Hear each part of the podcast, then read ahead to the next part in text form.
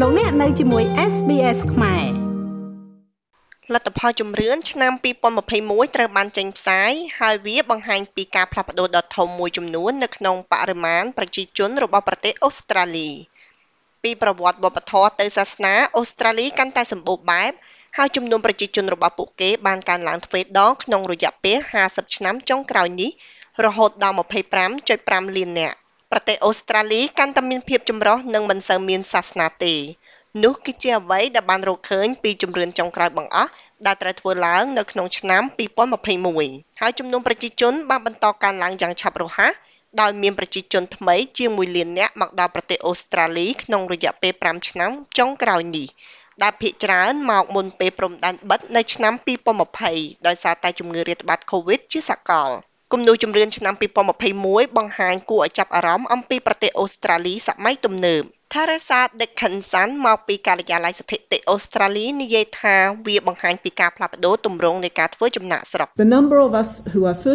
ចំនួនពួកយើងដែលជាជនជាតិអូស្ត្រាលីចំនួនទី1អ្នកដែលកើតនៅក្រៅប្រទេសនិងជនជាតិអូស្ត្រាលីចំនួនទី2ដែលមានឪពុកម្ដាយម្នាក់ឬទាំងពីរនាក់នៅក្រៅប្រទេសដែលរាប់បញ្ចូលទាំងខ្ញុំបានកើនឡើង ហើយមានជាងពាក់កណ្ដាលនៃចំនួនប្រជាជនអូស្ត្រាលីឥឡូវនេះការកើនឡើងដ៏ធំបំផុតនៅប្រទេសកំណើតនៅក្រៅប្រទេសអូស្ត្រាលីគឺប្រទេសឥណ្ឌាដែលឥឡូវនេះជាប្រទេសកំណើតធំជាងគេទី3បន្ទាប់ពីអូស្ត្រាលីនិងអង់គ្លេសហើយតាមពីក្រោយដោយប្រទេសចិននិងនូវែលសេឡង់ភាសាចិនកុកងឺបន្តជាភាសានិយាយយ៉ាងទូលំទូលាយបំផុតនៅក្រៅផ្ទះក្រៅពីភាសាអង់គ្លេសប៉ុន្តែភាសាប៉ុនចាំប៊ី បានកើនឡើង ដែលមានអ្នកនិយាយច្រើនបំផុតចាប់តាំងពីឆ្នាំ2016អ្នកស្រាវជ្រាវប្រជាសាស្ត្រនៅសាកលវិទ្យាល័យជាតិអូស្ត្រាលី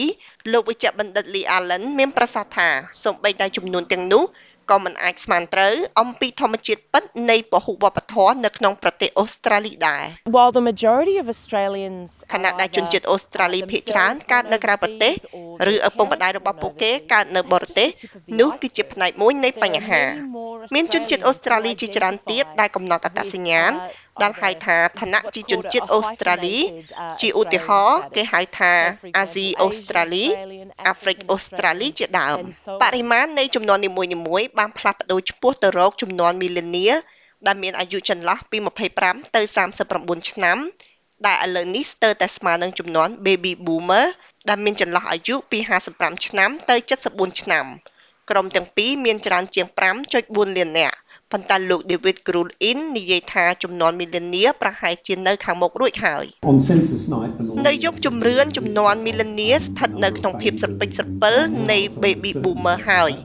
មកដល់ពេលនេះវាស្ទើរតែប្រកាសណាស់ថាមីលានីបានវាដាច់ baby boomer ដោយសារតែពួកគេមានត្រឹមតែ5000នាក់កាលពីខែសីហាឆ្នាំមុន ជំរឿនឆ្នាំ2021គឺគម្រប់ខួប50ឆ្នាំចាប់តាំងពីប្រជាជន Aboriginal និងអ្នកកោះ Torres Strait Islander ត្រូវបានរាប់ជាលើកដំបូងនៅក្នុងការស្ទង់មតិលើកនេះចំនួនអ្នកឆ្លើយសំណួរដែលបានកំណត់ថាជាជនជាតិដើមនិងអ្នកកោះ Torres Strait បានកើនឡើង25.2%ចាប់តាំងពីឆ្នាំ2016ដល់ជាង810,000នាក់ ឬ3.2%នៃចំនួនប្រជាជនវិជ្ជបណ្ឌិត Lee Allen និយាយថាតួលេខនេះមិនគួរឲ្យភ្ញាក់ផ្អើលនោះទេ We're seeing people យើងឃើញថាមនុស្សកាន់តែមានឆន្ទៈនៅក្នុងការរាយការណ៍អំពីអត្តសញ្ញាណរបស់ពួកគេថាជាប្រជាជាតិទី1របស់អូស្ត្រាលីទន្ទឹមនឹងនោះយើងឃើញថានៅក្នុងចំណោមប្រជាជាតិទី1របស់អូស្ត្រាលីជាធម្មតាអត្រាកំណើតខ្ពស់ជាងគេប៉ុន្តែសាស្ត្រាចារ្យ Sandra Harding មកពីក្រុមធានាឯករាជ្យដែលស៊ើបអង្កេតគុណភាពនៃតនន័យជំរឿននិយាយថាវាទំនងជានៅតែស្ថិតនៅក្រោមការរាយការណ៍ពី First National Australia ទោះបីជាមានការខិតខំប្រឹងប្រែងនិងការវិនិយោគកាន់តែច្រើនឡើងដោយ ABS ក៏ដោយក៏ការប៉ាន់ប្រមាណចំនួន17%នៃជនជាតិដើមនិងអ្នកកោះ Torres Strait Islander នៅតែបន្តកើតមានឡើងនៅក្នុងឆ្នាំ2021ស្របតាមជំរឿនពីចុងក្រោយ ABS នឹងពិនិត្យមើលបន្ថែមទៀតជាលើកដំបូងការស្ទង់មតិបានសួរអំពីស្ថានភាពសុខភាពរយៈពេលវែងដោយលក្ខខណ្ឌមួយដែលត្រូវបានរាយការណ៍យ៉ាងទូលំទូលាយបំផុតគឺជំងឺផ្លូវចិត្តជាពិសេសចំពោះមនុស្សវ័យជំទង់